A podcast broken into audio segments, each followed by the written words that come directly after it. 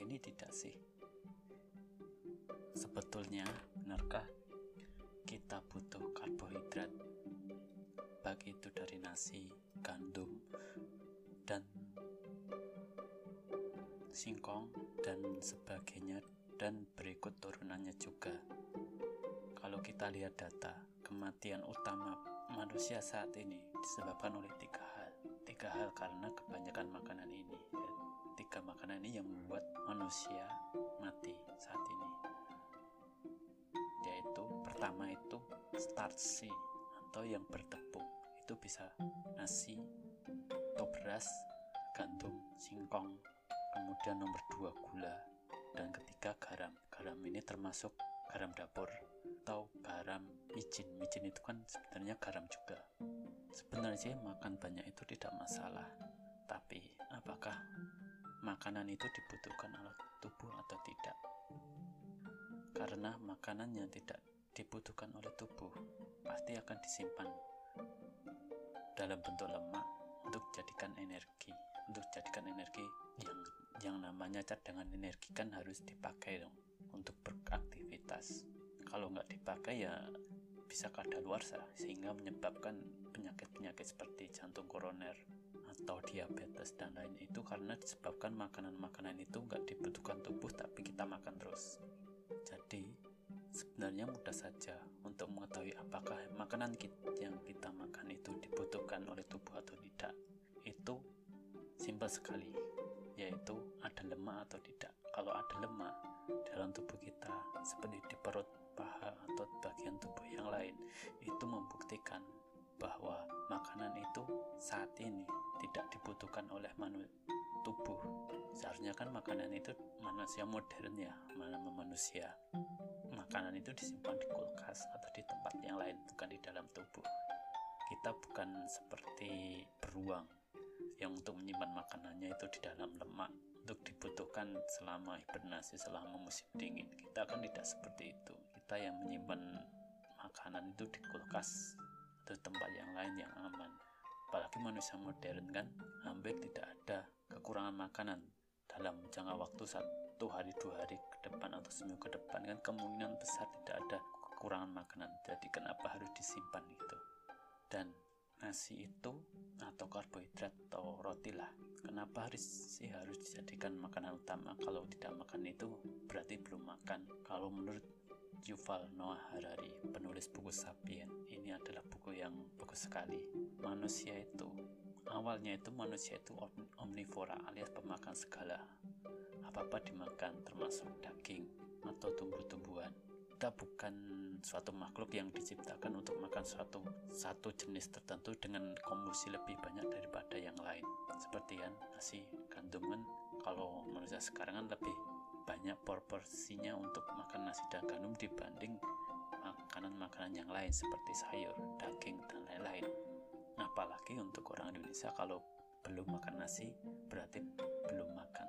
Sebenarnya ya ini kesalahan dan manusia itu memakan nasi, gandum. Itu baru sejak revolusi agraris sekitar 10 tahun yang lalu. Ini kalau menurut bukunya Yuval Noah Harari ya. Dari sejarah manusia yang dua, sekitar 200 ribu tahun. Jadi kita itu makan nasi, gandum, dan yang lain sebagainya itu baru 10 ribu tahun. Selama sebelumnya ya kita makannya nasi. Ya kita makannya daging atau tumbuhan tidak satu jenis makanan tertentu yang dijadikan utama. Manusia sejak revolu revolusi agraris, manusia itu lebih membutuhkan banyak kalori daripada waktu manusia menjadi pemburu dan meramu. Masyarakat agraris kan dari pagi, dari pagi sampai sore. Dia akan selalu dia akan mengurus sawah atau ladang gandumnya begitu terus selama tiga bulan dan itu kalau manusia agresif itu bekerja dari pagi hingga sore sedangkan waktu menjadi pemburu dan peramu itu manusia itu hanya bekerja empat hari empat jam dalam sekali sekitar segitu jadi selebihnya itu ya nggak ngapa-ngapain. Jadi kalau menurut Yuval Noah Harari manusia agraris itu adalah kalau saat revolusi agraris itu adalah fraud terbesar manusia. Lias tak kita ini sebenarnya itu bukan mendomestikasi padi dan gandum tapi kita itu dipaksa seperti dipaksa oleh padi dan gandum untuk memelihara mereka ya seperti kalau menurut Yuval Noah Harari ini manusia itu sebenarnya budak budaknya padi dan gandum itu. Karena kita memperhatikan padi dan gandum itu selama satu hari penuh selama sampai dia panen. Padahal waktu menjadi pemburu dan meramu kita itu hanya manusia itu hanya bekerja selama 4 jam aja. Ya sebenarnya lebih santai waktu menjadi pemburu dan meramut daripada menjadi masyarakat agraris. Dan juga ketika menjadi masyarakat agraris, manusia itu membutuhkan kalori lebih banyak karena pekerjaannya membutuhkan banyak tenaga seperti mencangkul atau yang lainnya. Tapi setelah revolusi industri, dengan ciptakan mesin-mesin itu kan manusia sudah tidak membutuhkan energi sebesar itu sebesar waktu menjadi masyarakat agraris kalau pekerjaan anda mungkin kebanyakan di depan komputer atau tidak banyak melakukan aktivitas fisik, kemungkinan besar Anda itu tidak membutuhkan karbohidrat dalam bentuk nasi, roti, dan lain sebagainya. Saya itu sudah satu setengah tahun mungkin tidak menjadikan nasi sebagai makanan utama. Iya, tapi makan iya sih masih makan nasi. Tapi ya paling seminggu sekali atau kalau ada teman masak gitu aja atau kalau lagi pengen tapi tidak menjadikan nasi roti atau karbohidrat itu sebagai makanan utama.